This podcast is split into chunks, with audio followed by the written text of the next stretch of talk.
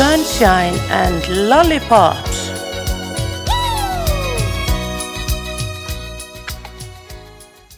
Hæ, hæ.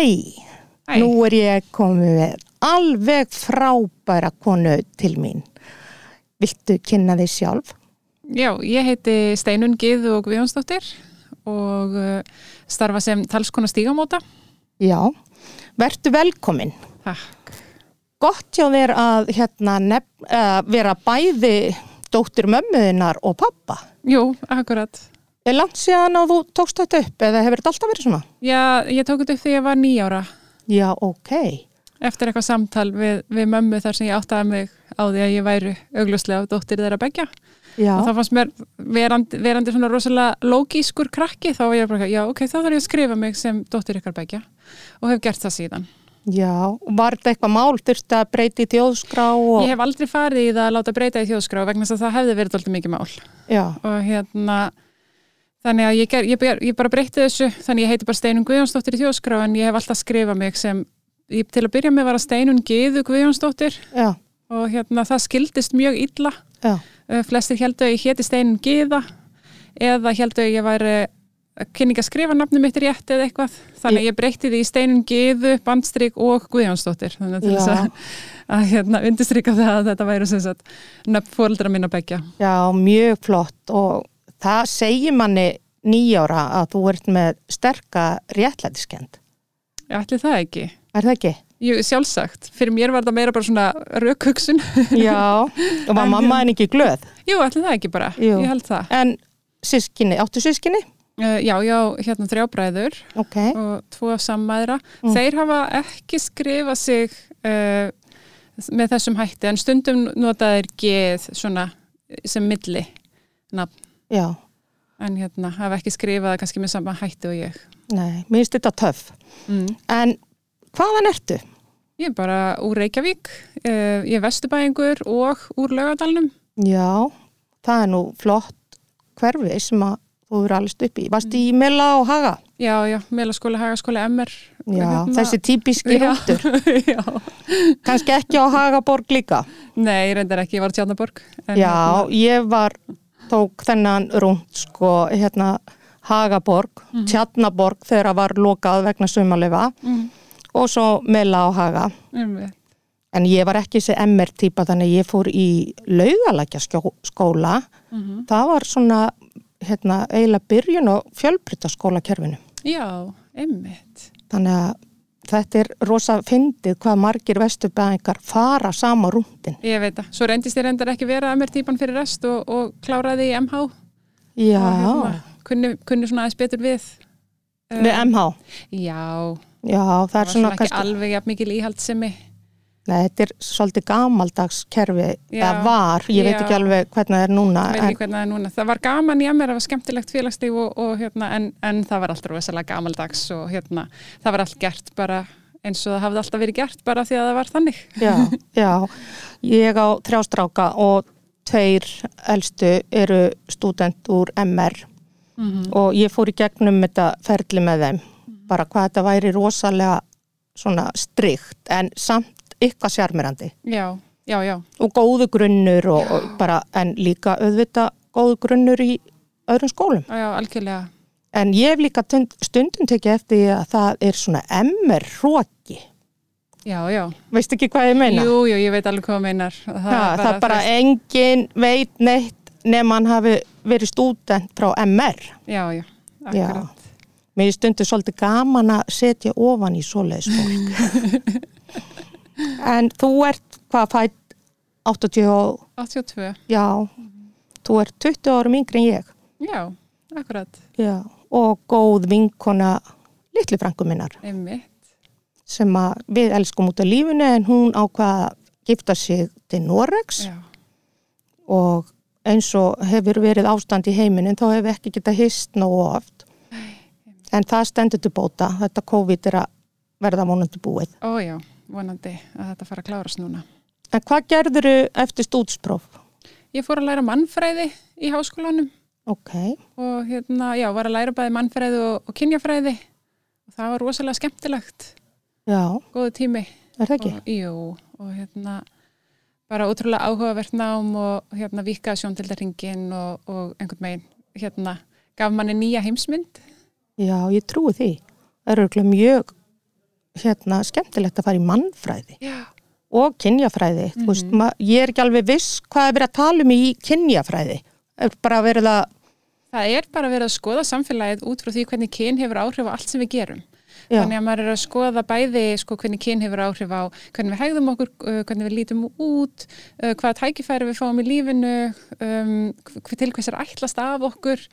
Um, þannig að maður er að skoða bæði sko, hvernig stereotýpur hafa áhrif á mann sjálfan og á samfélagið og, hérna, og síðan er maður líka bara að skoða stöðu hvenna, karla og annara kynja í Já. samfélaginu og hvort það halli á einhvern hóp í einhverjum ákveðnum aðstæðum eða í einhverjum ákveðnum störfum eða, eða hvað það er sem það kann að vera. já, það, þú veist, bara ég sem 59 ára, ég veit alveg hvernig það er að vera kona, þú veist, hvernig er bara komið fram við okkur stundum öðruvísi heldur um kalla. Og ég er búin að reyka fyrirtæki mitt með manninu mínum og það kemur alveg fyrir að það kemur fólkin í búð og er hann ekki við. Þú veist, eins og ég sé bara algjört nobody. Og mamma mín, hún var fætt 32, þannig að hún var 30 árum eldri en ég og hún vann hjá því opinbera og hún upplöði þetta mikið að fólk kom og sagði, nú er engin við. Og mamma sagði, nei, það er engin við. Og þá var hún spurði, en getur þú hjálpa mér? Nei, ég geta ekki, ég er kona. Af því að hún var bara að stinga upp í kalla sem að koma svona fram Já, já, já, og bara þetta er alveg fáránlegt að bara, og hún neitaði að aðstofa þetta fólk sem að talaði svona einmitt. hún sagðist ekki treysta sér til þess þar sem hún væri kona ha. en núna hefur þetta breyst svolítið, þú veist bara núna er orðið mjög bara algengt, eða ekki algengt en samt veit ég mjög marga sem að skiptum kyn Já, var, lærður mikið um það? Nei, ég held að sko umræðan um trans og um bara fjölbreytileika kynja flórunar er svo má orðið komast, hún var mjög skamt á við að komið þegar ég var í háskólanum fyrir svona rúmlega 15 árum síðan. Við Já. töluðum vissulega um að kynin væru fleiri en tvö Já. og hérna og það var fjallað um hinseginfræði en samfélagsumræðan var ekki komin á þann stað sem hún er í dag og hérna um, þú veist, á þeim tíma þekktu maður enga kynsegin mannesku, Nei. mannesku sem að er utan þessa, þessa tvíhyggjukerfis og, og trans einstaklingar sem að voru þekktir ofinberlega á Íslandi voru örfáir. Já. Þannig að það hefur mikið vatn rundi sjávar Já. í þessu síðan þá. Ég veit bara eins og hjá mér og manninu mínum Mm. þá í vinahópnum okkar er ein transmanneskja mjög nátengt öllum. Þannig að hvar var allt þetta fólk? Og guð með góðu hvað það þurfti að líða fyrir mikið að geta ekki verið það sjálft. Algjörlega. Og gilfi minn á lítið barnabarn sem er trans. Ok. Já. Og fættist strákur og en upplýði sér stelpu og það er lengur búið að græja það allt og það er svo indislegt að sjá lítið barn fá að vera það sjálft heldur en að þurfa að vera í einhverjum einhverjum leik sem að það passar ekki inn í. Algjörlega og maður sér bara hvernig fóreldrar eru margir hverjir miklu opnari fyrir þessu í dag og styðja bönnin sín frá því að þau eru lítill Já.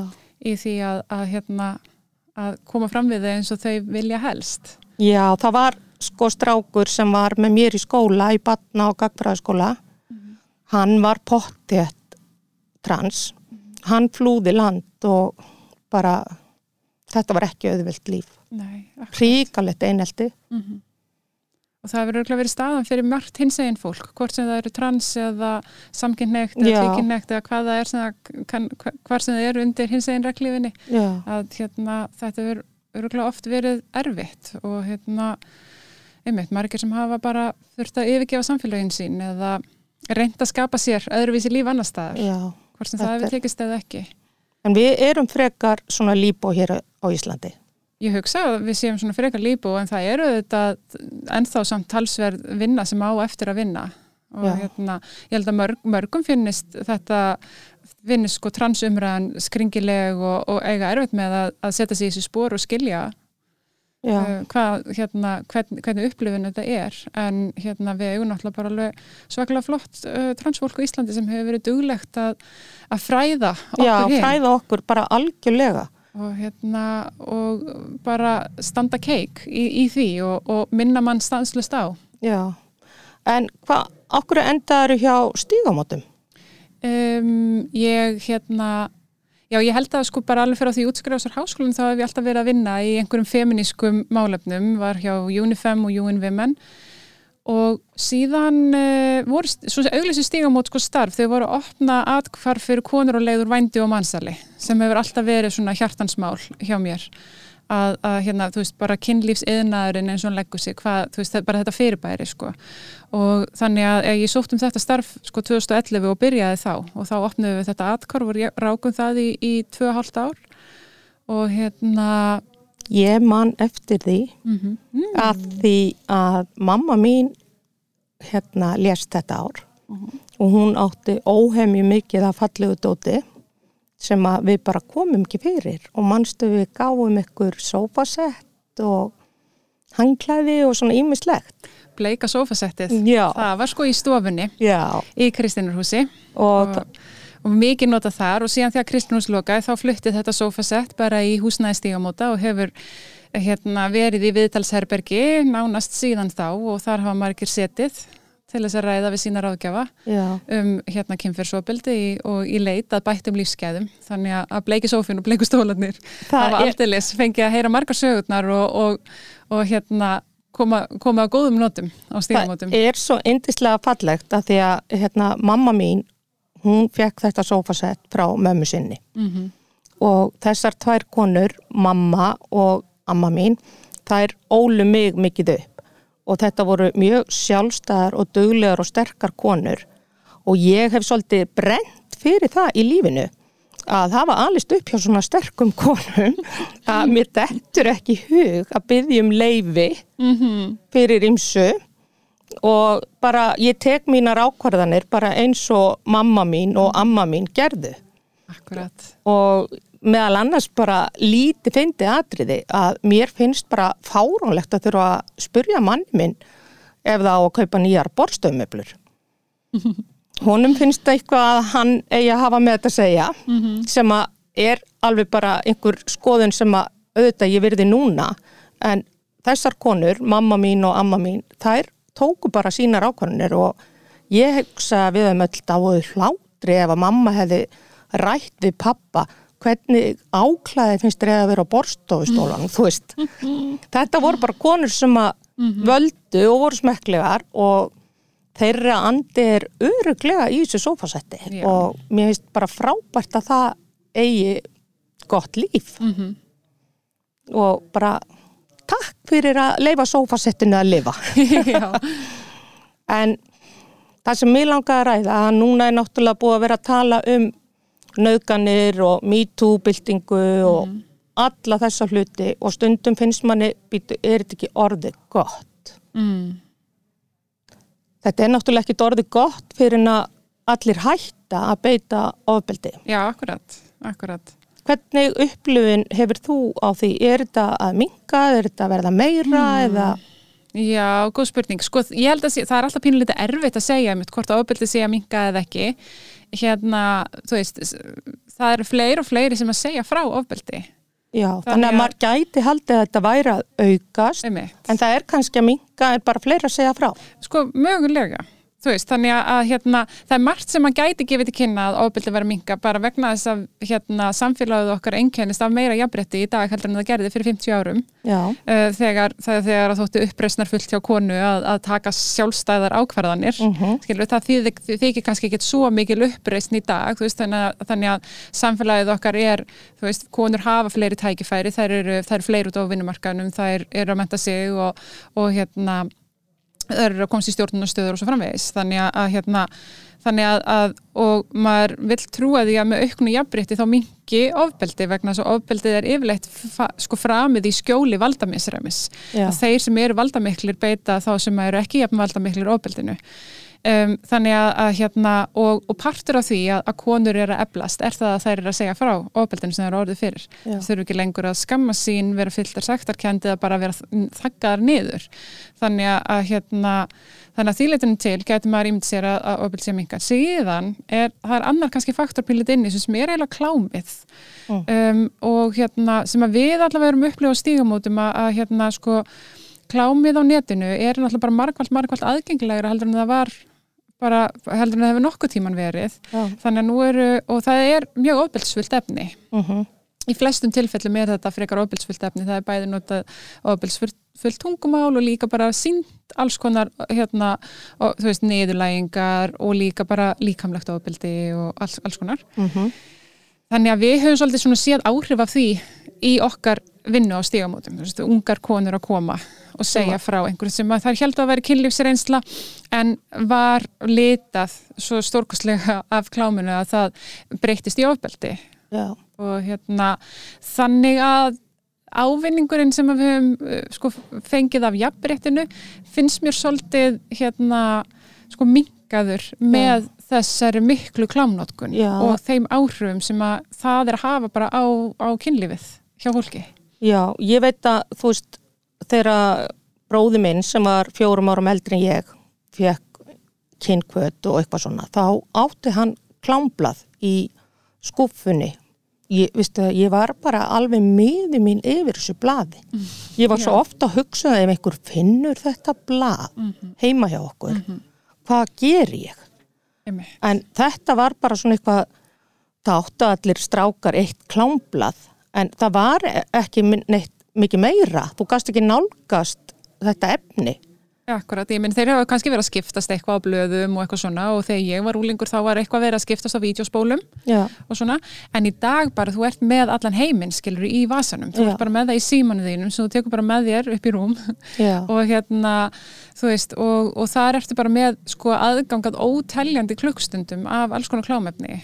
Og hérna, og margir auðvitað fara, þú veist, fara í spíralinn að horfa á grófara og grófara og grófara efni og halda þetta sé eðlilegt og beita svo kannski einhver, fyrstu Já, veist, sína. Einmitt, það er ekkert svo skrítið að maður hugsa til þess að, að hérna, helmingurinn af strákum í 8. og 10. bekkur að horfa á klám í hverju viku Mm. og hérna, þeir hafa ekki fengið kynfræslu í hverju viku Nei, sem mótvegi og hérna, þeir eru ég held að sko, fólk sé vilt ekki að stunda kynlíf með annari mannesku fyrir en það er kannski 16-17 ára, ég held að það sé svona meðalaldurinn hjá strákum, Já. 17 ára Já. þú veist þannig að þá eru þeir búinir að horfa á klám í, í fleiri, fleiri ár sko já, áður en þeir stunda kynlíf með annari mannesku í fyrsta skiptið Mhm. og það er ekkert skrítið nei, að þeir séu með einhverjum hugmyndir um það hvernig það eigi að vera já, þaðan greiðin. Og þú veist, einmitt, ég er nefnilega alveg sammála. Mm. þú veist, að hérna mér finnst þetta sjúklega ósangjarnt Já, gagvart þessum ungu strákum mhm. að, að við skulum bjóða þeim upp á þetta. Já, og þetta bara, og ég þú veist, við skulum ekki gera meira í því að hérna fræða þá og beita þeim uh, góðar og uppbyggilegar og skemmtilegar upplýsingar um kynlíf og, og samskipti. Já, ég hef nefnilega á þrjástráka og þú veist, ég er ekki búin að vera hérna, uppfræða þá um kynlíf, hvernig þeir eiga að stunda það, það er einhvern veginn svona, let manni minn svona útskýra fyrir þeim hvað myndi gerast þegar að þeir eru þau kynþroska og svona, þetta er svolítið feimnismál foreldra Já, að ræða kynlíf við börni sín. Og ég veit að hérna bara ég þekkti fólk og krakka þegar ég var lítil þar sem að var opinskátt talað um eitthvað svona þá fannst manni bara foreldrar þessara barna vera bara einhverju klámsjúklingar og bara þetta var og er feimnismál. Já, og það sem að ég hef svona mest hokkið eftir að mér finnst alltaf vera að færast neðar og neðar að fólk er að ákveða fyrir kannski strákin sinn sem er fjagra ára eða fimm ára á leikskóla að hann eigi kærustu á já, deildinni. já, já, akkurat. Þetta þóli ég ekki. Nei, ég mitt, ég menn þú ert þá að gefa þér ákveðna kynneigð sem þú fyrir að fyrsta getur ekki ákveðið Og, Og hérna- ofbúslega margir alveg bara, ó, ert ekki skotin? Á að hann er búin að vera skotin í henni síðan að þau voru í leikskóla og Já, þetta er sko, dregur úr þessari, þegar þú veist að því að strákur og stelpur og fólk á öllum kynning getur bara verið vinnir já, og þá má að bara að, að, það á að fá að vera bara vinnir þú veist, annars að það sé alltaf verið að setja þennan, einhvern, þennan tón inn í það. Já, þetta hljóta að vera eitthvað meira. En sko ég held að, ég held að flestum fóröldurum finnist óþægilegt að ræða kynlíf við, við úlingana sína. Ég held að, hérna, og ég held að flestum úlingum finnist óþægilegt að ræða fóröldur sína. Hins er margt sem bendir til þess að úlingar vilja fá þessar upplýsingar frá fóröldur sínum. Og, hérna, og ég held að sé ótrúlega mikilvægt að minna okkur á það að það er hægt að sko nálgast þessa umræðu án þess að vera í sko tippi píka og allt það. Veist, það tala, það er hægt að tala um mörg og samþykki og samskipti og hérna að vanda sig við, í samskipti við aðrar manneskur og láta sig varða hvað hinn manneskin er að segja og gera. Þú veist, annars þú sért að tala um einhverja kynlífsathafnir per se. Veist, og hérna, og, en auðvitað er einhver staðar þarf að tala um kynlífi og það, það er hægt að gera það líka í skólanum og félagsmiðstöðinni. Allir þurfa að leggjast á eitt við að ræða þetta. Þetta Já. kemur ekki bara úr, úr einni átt og við getum ekki staðið og fallið með fóreldurum, við verðum að treysta líka á skólakerfið. Það er fullt af fóreldurum sem er ekki í stakk búnir til að ræða þetta við börnin sín, af því að sumi fóreldurum er svo óbilsfullir, já. en þeir eru ekki þeir réttu til að fræða, þannig Nei. að þetta þarf að vera allstæðar, sko. Ég held sko að það er einhvern veginn mín skoðun að það þurfi að byrja bara miklu, miklu fyrr Já, bara jafnvel í leikskólanum að kenna krökkum að bera virðingu fyrir hvort öðru. Mm og bara, þú veist, við erum góð við alla. já, akkurat. Við komum ekki svona fram við stelpu að því hún fara að grenja, hún sé eitthvað aumari eða, Mm þú veist, mér finnst þetta þurfa að byrja mikið, mikið fyrr. Já, já, ég held að margt sé við unnið með því að, að sko, þjálfa samkend og, hérna, og að hjálpa krökkum að læra orðin, orðið mörg, já, að skilja, byrjuðu mörkin mín og mörkin sem annur manneski er, hvar enda ég og hvar byrja næsta manneski. Þannig að það fer ekki inn í sko bæði kynlíf og sambönd með einhverja rosalega óraun hafa væntingar um að þá snúist allt eh, á, það snú allt einhver meginn öðruvísi í, í þeim samskiptum. já. Eins og þegar ég var í hagaskóla, þá var einn tími, þú veist, í öllu ferlinu, öllum grunnskólanum mínum var einn tími sem var rætt um kynlíf og hérna getnaðavarnir og það var sérstök taska uppi hjá bytni skólastjóra, bara svona beauty box með smokki og pilluspjaldi og einhverju hettunni, Já, já. þetta var náttúrulega alveg rosalega spes að vera að sína okkur hettuna og sæðistrepandi krem, við vorum að trillast úr hlátri. Veist, við vorum bara gjössalega að missa okkur. Og ég var svolítið upp á tækjasöm að ég og tveir strákar í mínu bekk við stálum töskunni. Ok. og hengdum bara smokk upp á töflu og hérna svona okkur fannst þetta alveg rosalega fyndið. Mm og ég einhvern veginn átti einhvern veginn þann draum að ég myndi aldrei verða kynþróska Já. ég ætlaði bara vera alltaf eins og ég var Einmitt. og ég var mjög svona seinþróska sem mér fannst rosalegu kostur Mhm. en mamma mín svona bara flott kona og hún var með í að stopna asma og ánæmis samtökinn og félagainstar af foreldra og hún tók mig afsýðist þegar ég var 11 ára og gaf mér pakka með dömubindum í. Mm -hmm. Að mér fannst hún mamma gjörsalega búin að missa vitið. Hvað ert að pæla? Ég ætla aldrei nokkuð tíman að nota neitt svona.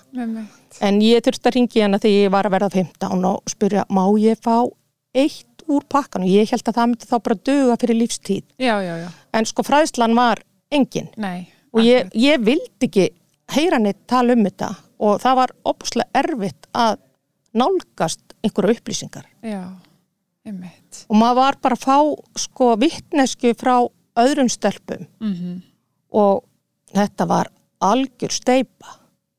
Já, algjörlega. Ég held að, sko, þú veist, ég, ég hugsa að margt sé breytt í dag frá þessum tíma, þó að það sem þú ert að lýsa er rosalega svipa því sem að, sem að ég uppliði í skóla, en, en hérna, en, en samt er maður ennþá líka að hitta ungmenni í dag sem eru að lýsa þessu eins og, eins og hjá þér. Það var, það var þarna tíminn með bananum og smoknum Já, og það var þarna tíminn þegar hjúgrunumfæringunum kom og talaði um blæðingar og svo munaði ekki eftir neinu öðru. Nei. Og hérna, þannig að, að vissulega er þessu mjög ábændavent á, á mjög mörgum stöðum í, í skólakerfinu og hérna, það hægt að gera svo miklu betur. Og, Já. hérna, en, og svo maður bara líka farin að gera meiri kröfur til þessar fræðslu í dag því að við erum farin að tala um meira opinskátt um ofbeldi og kynferðislega áreitni og það verður bara að vera partur af þessari fræðslu. Þannig að þessi krakkar sko skilji hvar mörkin liggja og að þau viti að þau geta leitt sér hjálpar ef þau, verða fyrir einhverju. Sko, ég var held ég sjö ára í sundlu Vesturbæðar með vinkunum minni og ég hafði farið í sund á hverjum degi með mömmu. Þannig að ég var frekar lítil þegar ég var synd og ég og vinkunum mín vorum bara tvær einar, sjö ára að leika okkur í lauginni. Og hún var ekki synd en ég var synd og ég var samt búin að draga hana yfir í að, og enginn fullorðin með okkur og enginn að spá í þetta. Ég bara bar ábyrð á skólasysteminni þá kom kall og spurði hvert við kynnum hérna Björgunarsund. Og við vissum ekkert hvað Björgunarsund var og hann bauðst til að kenna okkur það og hann kendi okkur ímislegt ljótt meira með þessu. Einmitt. og ég gæti einhvern veginn slegist úr faðmi hans að því ég treysti mér til að synda en vinkona mín, hún lendi vel í honum, hann kleip á viðkvæma staði og hagaði sér eins og fíbl. Við komum hágrenjandi inn í styrtuklefan og lístum þessum manni. Og það kom styrtukona og hún bara baðað okkur og klætt okkur í fötin og svo bara löpuðu við heim. En það varð aldrei neitt úr þessu. Í dag væri bara verið að lýsa eftir þessu manni Já. og það væri bara allt brjálað. En við lendum sko endalist og ítrekað í einhverju svona ruggli og yfirleitt fullorna fólki saði hvað voru þið að æsan upp? Og þú veist fólk, bara fullari fólk held að við 7 ára til 12 ára værum bara að æsa upp fullorna menn að þeir ættu bara að standa þú veist, í bæ að fróa sér eða í gamla kirkjugarðinum. Það var eitt sem bara var þar árum saman að fróa sér. Já, og við stelpurna vorum 12 ára og við fórum í gamla kirkjugarðin til að reykja. Okkur fannst það svolítið töff að byrja að reykja 12 ára. Og svo letum við líða yfir okkur. Já, akkurat, já. og einmitt. við vorum á leiði franskra sjómana því það er bara stórt tún. Og þarna lágum við hálf rænulausar og að fá okkur sík og einn á milli. Og þessi maður var að fróa sér.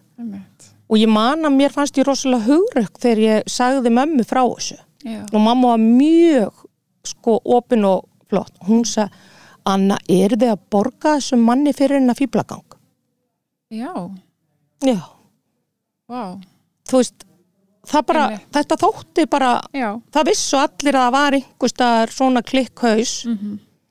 og við börnin áttum bara að bera ábyrð því að vera ekki að æsa svona þessa menn upp. Ég held sko, ég held að sko mítúbildingin sem við höfum verið að fara í gegnum núna þessu ári, hún snýst rosa mikið um sko þessi hérna, þetta kynnslóðabil að mörgu leiti að hérna sko unga fólki í dag er bara eitthvað, við ætlum bara ekkert að sætta okkur við það að hvort sem það eru börn eða ungar konur eða eitthvað að þær séu settar, þær þurfa að bera þessa ábyrð að, hérna, að þær hafa verið á villsum stað og villsum tíma og þær hafa nú örgulega verið að æsa einhvern upp og, og hérna, þannig að unga fólki er, er farið að, að setja miklu skýrari sko, orð á ofbeldið sem að þær hafa verið beittar Já. og hérna og ég, ég held að maður er svona að séð það í kommentakerfunum bara að, að margir sem er, er aðeins eldri eldri konur, Já. þeim finnst það svolítið óþægilegt held ég að það sé allt í hennu sko verið að setja orð á það sem að þær hafa kannski bara þurft að þóla í gegnum tíðina, alls konar áreitni Já, og, Og sko, hérna, ég og hef talað um þetta við stelpur á mínum aldri og jafnvel yngri Mhm. sem að hafa lent í bara mm. algjörn hróttaskap Já. og ef þær hafa sagt frá þessu þá hafa þær jafnvel fengið sko, þetta er bara það að vera kona. já, svona er bara lífið Já, þú veist, og hérna sorry. og, einmitt, og, og núna er allt í hennu bara er orðin bara önnur krafa uppi það er bara að vera að segja svona þetta á ekki að vera svona, þetta þarf ekki að vera svona. Mhm. og hérna þeir sem eru að gera þetta þeir verða bara að gjöra til að taka ábyrð á því. Og, hérna, og þá alveg bara að rísa upp hérna all ger, geranda meðvirknin veist, sem er í rauninni þetta sem þú ert að lýsa. Þetta er náttúrulega bara meðvirkni með gerandunum Mhm. þú veist að hérna, það er miklu mjög auðveldar að kenna bara börnunum um að hafa verið að æsa þá. Já, upp heldur en að, að þeir þurfa að taka ábyrð á því að hafa verið að áreita börn kynferðslega já. Svo þegar maður, sko finnst manni kannski, jú, ég lendi sjálf í þessu og ég veit alveg að ég hef klórað mér í gegnum lífið með einhverja svona helvitis þvælu á bakinu, en svo þegar maður regnast bann þá verður maður sko svo sensitífur ef að einhver myndi gera það við barnið. Já, algjörlega. að ég man eftir þegar elsti strákurum minn skipti um skóla, fórum með skóla út á Seldindanes og þá var eitthvað sambíli fyrir einhverja fallaða eða veika einstaklinga bara eiginlega á skólalóðinni. Og þar bjó Stengrumin Jálsson. Já, Mér fannst það ekki þægileg tilfinning nei. að hafa Stengrin Jálsson á skólalóðinni. Og strákurum minn tók strætó í skólan og einhvern tíman þá sopnar hann í strætó. Og svo er hringt í mig úr skólanum og spurt hvar hann sé og ég hafði kvart hann og bara ég, ég fekk bara svona störlunar kast. Ég bara arga og garga og ég var búin að sjá allt fyrir mér. Þá var minn bara stein sofandi upp í breiðholti á einhverju skiptist en þetta var sko, ég held bara að því að ég lendi í svona Einmitt. þá bara uppliði allt þetta rugg Já, algjörlega. En það sorglega við sko svona ofbeldi gegn börnum er það að það er yfirleitt einmitt sko ekki framið af einhverjum ókunnugi, ókunnugum. Þú veist eins og í þessu, þú veist eins og Stengri minn Njálsinni eða einhver það er, það er langt flesti krakkar verða fyrir ofbeldi af hendi einhvers sem er í fjölskyldu með þeim. Já, Pappin, stjúpappin, afinn, frændin, einhver fjölskylduvinur og svo framvegs. Það allavega sjáum við í tölunum, tölunum okkur og stígumótum að lang flest börn er í mestri hættu heima hjá sér á að verða fyrir kynferðsofbeldi. Jésús minn. En svo er líka, hef ég heyrt, þú veist, kallmenn tala um, þú veist, ég þóri bara ekki að fara með barnabarninu mínu lítilli stelpi í sund. Mm. af því að það er settur einhver perrastimpill á fólk bara ef það er næs við barnabarni sitt, þú veist, kannski bara faðma það í lauginni. Já, Þannig að þetta er ógæslega flókið og er erfitt að finna hver er gerandi í svona mál. Já, akkurat, akkurat. Ég, þú veist, maður hefur heyrt þetta með um eitt afana og, og, og svona sem að þú eru ekki að skipta á börnunum stýnum og barnabörnum og allt þetta en sko, þú veist, ég, þú veist, ef að, ef að þannig er raunverulega staðan væri við þó ekki með fullt af öfum hérna út um alla borg sem að væru að berjast gegn þessari, þessari mýtu, þú veist, það eru náttúrulega bara ekki meir hlutan af öfum sem myndu gera svona. Nei, og hérna þannig að, að mér finnst það svona pínu hérna fórnalamslutverk við erum að reyna að setja orð á mjög alvarlegt ofbeldi sem börn verða fyrir mm. og hérna rosa leiðilegt ef þeir upplifa eitthvað óöryggi þegar svo umræða fyrir stað. En bara, þú veist, börnin verður einhvern veginn að fá að njóta vafn sem við verðum að fá að tala um þetta án Já. þess að, að allir sér afar. Já, kannski vilja er bara að sleppa við að vera með barnabönnum til að geta farið í gólk. hver veit, kannski, kannski er það bara málið. En, en hérna, þú veist, mér finnst einhvern veginn að við verðum að fá að ræða þetta mjög mikilvæga og, og alvarlega samfélagsvandamál án þess að sé einhver afar sem fara bara í kerfi við því að, að hérna að þeir séu einhvern veginn grunaður um græsku þegar þeir skipta á börnunum sínum sko, eða bandabörnum ég, hérna, ég hef ekki mjög mikla samúð með þeim því miður í þessu Nei, sko. nei. að því að, hérna, að því að það er bara aðrir og stærri hagsmunir sem eru undir. Já. En þegar við vorum að tilkynna þennan mann í kirkjugarðinum, já, ég man ennþá bílnúmerið hans. Er 4385 já, og við fórum á lauruglustöðuna sem að var bara hjá pulsuvagninum já, þú veist, og komum þar bara sko hlaupandi inn og móðar og másandi og bara það væri ógæðislegu maður í kirkjugarðinum og, og þá sagði löggan, já lýsið honum. Og við sögum hann er algjört ógeð, hann er með barta. Þú veist, þá voru kallar með barta. Og þessi lögga sem við tölum við var með barta og þá fengum við bara svarið, ha, finnst ykkur þetta ógæðslegt þú veist, þegar maður er að hugsa um Já, þetta, þú veist, einmitt. var þetta svona? Ha, mitt það er ekki beint svona kannski svona, já mótu, þið er ekki sérstaklega bóðnar vel, velkomnar með þessum mótökum alls ekki bara vera við- snú út úr Já, og bara stelpur mín að vilja ekki fara heim og, og þú veist, þannig að ég held að margar konur á mínum aldri Mhm. og eldri og yngri og bara konur. Veist, það er búið að gera grín af því að þær hafi lent í einhverju. Er, ég lendi þegar ég var nýskilin. Mhm. þá fór ég í svona áramótapartí hjá góðu vinafólki mínu þar sem allir mínir vinir voru og ég var nýskilin. Þar kom maður sem var giftur hérna kunningakonu minni.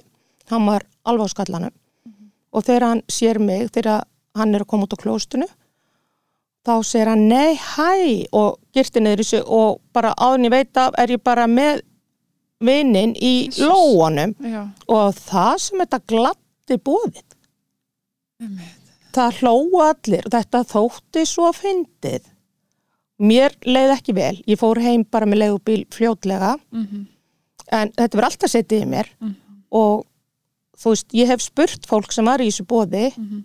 og það vil enginn kannast við og, og þú veist, ef ég spyr núna af hverju fannst ykkur þetta í lægi Mhm. mér fannst þetta ekki í lægi en glætan að ég hefði rætt þetta við fóreldra mína Mhm. ég átti bara þessa ógæðslegu lífsreynslu Mhm. ein og prívat Já, akkurat.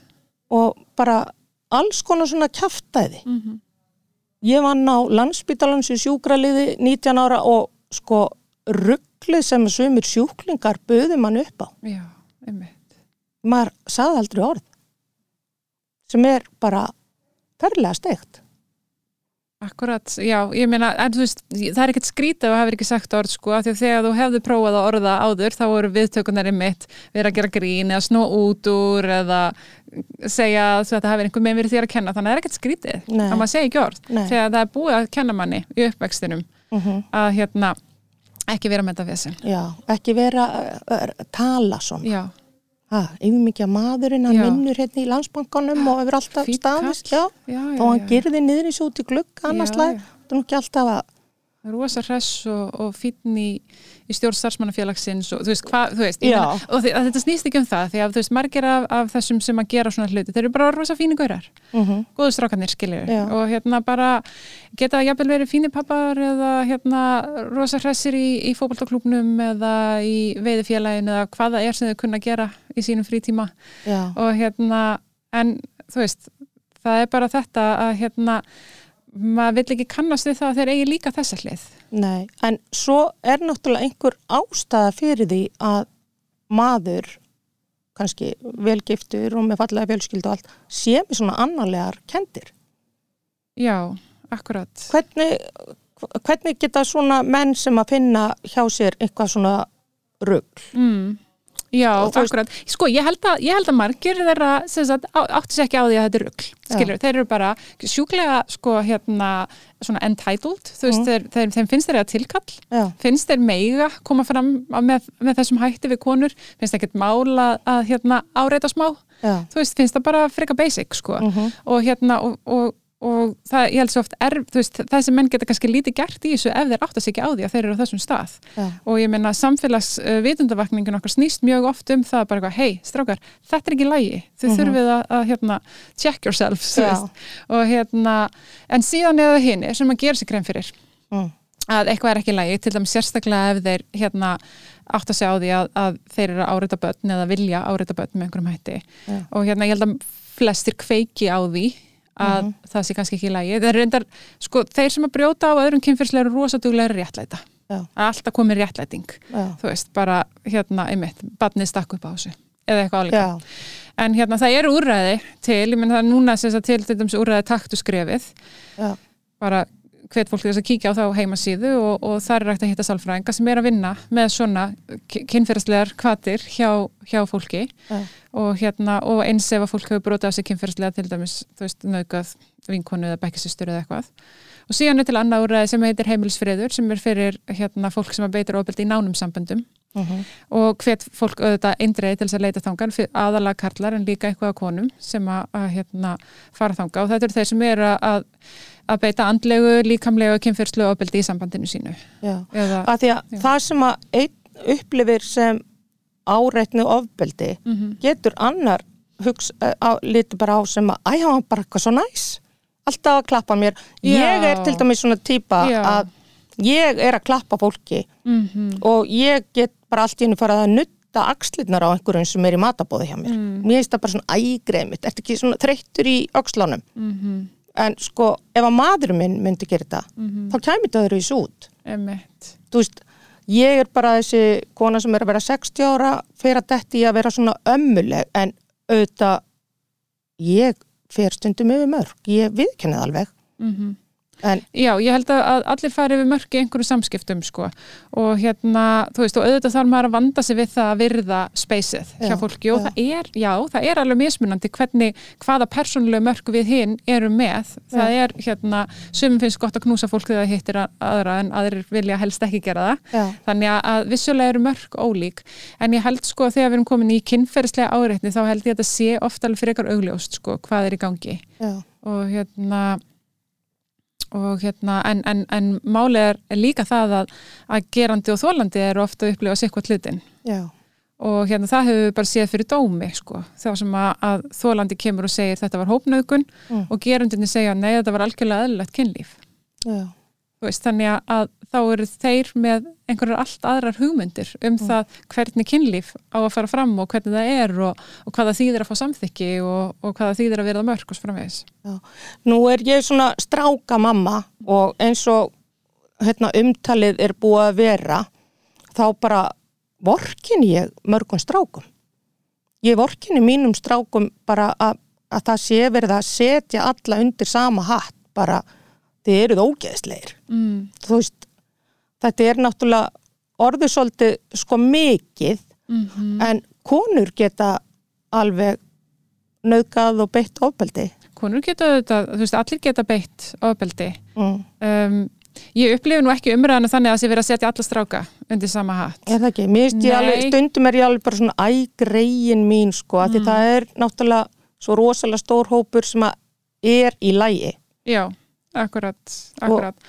En það, og það er samt verið að svifta huluna því hvað það er líka rosalega stór hópur sem er ekki í lægi Já. og það er erfitt og það er, veist, það er erfitt að fara í gegnum það og það er alltaf sárt að horfast í augu við það Mm að það séu margir hérna úti sem, að, sem beita ofbeldi eða áreita og hérna, en ég hérna þú veist, ég held að hérna þú veist, alveg svo alveg svo þegar aðrir sko hópar eru að, að að benda manni á misrétti maður þarf auðvitað að vanda sig við það að taka það ekki allt brjálæslega persónulega Já. þú veist eins og þegar, þegar svartir í bandaríkjunum er að benda á, á kerfisbundi misrétti gegn þeim -hmm. og hérna þú veist, þá hérna, þarf maður að passa vera ekki, nei, nei, nei, það er ekki allt hvítt fólk svona, þú veist, Já. maður þarf bara að gera sér grein fyrir, jú, bara við erum í forrindastöðu Já. og það er alveg séns að ég hef einhvern tímann gert eitthvað sem gæti verið rasist og ég þarf að Já. uh, og hérna, þú veist, þannig að, hérna uh, en, uh, en ég upplega einhvern veginn ekki þannig að það sé verið að segja að þið eru öll rasistar Nei. Nei, maður, svona, þú veist, maður verður bara stundum kannski sem áhorfandi, þú veist bara, ó, þetta er orðið gott og á að taka þennan líka af lífi og er þessi og, mm og auðvitað, þú veist, eru dómstólar hér sem eiga taka þessi mál. Já, bara ef þeir myndi gera það, það væri rosa hjálplegt Já, og ég bara gera það veit um rosalega margar konur Mhm. sem hafa lent í alls konar ruggli Mhm. og reynt að kæra og eða segja frá Mhm. og þær komast ekkert með þetta. Nei, ég veit það. Það er nú málið. Þessi máli eru bara ítrekkað fælt niður og þeir fá ekki einn svona áhörð dómara í, í dómsal þannig að það er mjög erfitt að segja við konur hefur farið í dómstóluleðina. Það skilar nánast engu í flestum tilfellum. nei, Þannig að, hérna, þannig að konur verða að hafa fleiri tækifæri til þess einhvern veginn bæði að skila skömmin en líka vekja aðtikla á vandanum. já, Þannig að fólk grýpur auðvitað í það plattform sem að samfélagsmiðlarnir gefa þeim já, og segja frá þessu þar Já. og hérna og já, ef það er einhverju svona sem eru þarna úti og ítrekkað beita ofbeldi og halda endalist áfram að komast upp með það þá hérna þurfa þeir að- vara sig. Það, það kannski fá þeir ekki að halda svolítið áfram. Ég myndi segja bara fyrir mig prívat og persónulega, ég er, hef ekkert endilega lent eitthvað hrikalega í því en ég hef lent í alls konar ruggli og hef bara verið hjá sálfræðing bara í mörg ár, bara finnst það aðeinslegt, ég fer frekar til sálfræðings heldur en í ræktina. Mér finnst bara eh, hugur minn betri heldur en kannski einhverju lærveðu var eða eitthvað. Ég, ég vil, ég vil forgangsraða svona Mhm. og það er ótrúlegt sem að kemur upp þegar maður fer að fara að skoða líf sitt já, að fullt af hlutum sem að maður talaði aldrei um og þegar ég hef rætt við vinkonu mínar þær hafa lent í skelfilegum hlutum Mhm. og maður er bara kannski búin að eiga svo nánar stundir með bestu vinkonu sinni og hún segir manni 30 ánum setna frá einhverju nöðgunutilrun Mhm. þú veist, ákveður treystum við ekki hvort annari, þú veist, mér finnst nummer 1, 2 og 3 að það þurfa að segja fólki segðu frá, Já, ekki geimi þetta í 20-30 ár. Algjörlega, ég, það er mitt. Það, er, það fer almennt kannski ekkert sérstaklega vel með sálina að, að geima þetta, Nei. vera eitt í svartnættinu. En hérna, en svo er það líka svo skiljanlegt að fólk segja ekki frá ymmit að vegna þess eins og þú varst að lýsa áðan. Tilraunar sem að maður er kannski á mm til þess að segja frá hafa kannski ekki hefnast þú hefur mætt einhverju sem trúði þér ekki eða sem að gerði lítið úr þessu eða sagði eitthvað, já, ég menn, varst þú ekki að reyna við hann eða, -hmm. og það var bara svo af hverju varst að fara heim með honum? já, hvernig dattir í huga að fara heim með honum? akkurat sko, mér finnst alltaf að fara heim með fólki já. á þess að maður bara endi í einhverju uh, Nei, það er enginn klikkuðu sem hefur kynlífi. rétt á að nöðga manni þú veist að þegar maður fór heim með viðkomandi þannig að, hérna þannig ég held að þetta komi til að því og ég menna það er hérna, svo er það mjög sko hefðbundin áfallastreitu viðbrögð Já. ef maður hérna fær áfallastreitu einkennið áfallastreitu röskunni kjölfæra og svona opildi þá er það náttúrulega mikil skömm ég, að fólk eru að upplifa. Ég uppliði þetta. Um, ég hérna, var 17 ára mm. þegar ég fór með strák sem ég þekkti vel í partí, það var enginn í partíinu. Og hann ætlaði bara að hafa eitthvað tvekja manna partí. Mm. ég slóst við hann og þetta var einhverstað rétt hjá Garðs apoteki Já, Ég var nýbúin að lenda í bílslisi þannig að ég var ekkert líkamlega mjög vel á mig komin. En ég komist út og ég hljóp á háhaldlegum skóm frá Garðsapoteki og ég stoppaði við landsbytalan til að Já. kasta mæðinni. Þegar ég kom heim þá var ég náttúrulega svakalega þreytt og ég ofsalu uppnámi en morgun eftir þegar mamma sagði hvernig var í Hollywood þá sagði ég, jú, jú, bara næs. Akkurat þú veist, ég fór ekki að vinna úr þessu bara fyrir, fyrir nokkrum árum. Þá kom þetta bara einhvern veginn. Og þetta eru bara ótrúlega, ótrúlega eðlileg viðbrögð við þessum óeðlilegu aðstæðum. Já, En meina, þú hlýtt með að við þá hlaupið að þessa leið þá hefur upplifið þetta sem miklu óg. mjög mikla. Og, hérna, og það er eðlilegt, þú veist, að þá, heilina okkur gerir ótrúlega hluti þegar hann upplifir svona. Og, og hérna, eitt af því er að fara bara í coping-mekanisma, að halda Já. áfram. Já. Af því maður er ekkert alltaf í stakk búin. Nei, svo að spurði ég, svo spurði ég hérna nákominn ættingja. Ég sagði, hverju allir ég hef verið að lenda svona oft í þessu? Mm. Og þá var svarið, er það ekki bara þegar þú ert svo hortug? Já, einmitt. Já, ég held að konur hafi fengið allar, mö Já. allar mögulegar útgáfur af, ert ekki bara að bjóða upp á þetta? Já, þú veist, þetta átt að er vera... að ef þú ert of hortug eða það að þú ert of passív, skilur þú veist, það er ótrúlegt, það, það, hérna, konur geta aldrei gert neitt rétt, þetta er alltaf þeim að kenna, Já.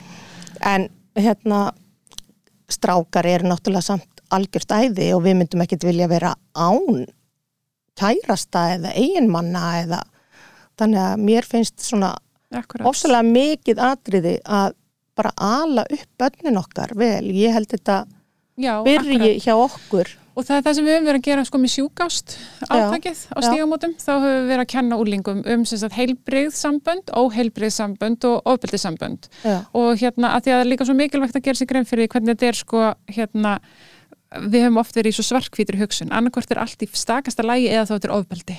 Veist, og hérna fólk á erfitt með að sjá einhvern megin spektrumið og, og hérna og er svo, veist, þannig að við höfum svolítið verið svona bætinn þessu óheilbrigða þar sem við kannski upplifir sjúklega afbrýðsemi eða tortrygni eða eitthvað svona sko til þess að, að hérna að krakkar séu kannski fljótari að, að sjá rauðiflöggin í svona samböndum og að hérna, þú veist, það þarf ekki að upplifa líkamlegt ofbeldi til þess að þetta sé orðið nógu slemt til þess að þú farir út úr sambandinu já. hérna, En ég tekið eftir einu að því að ég er að verða svo lífsreind kona Mhm.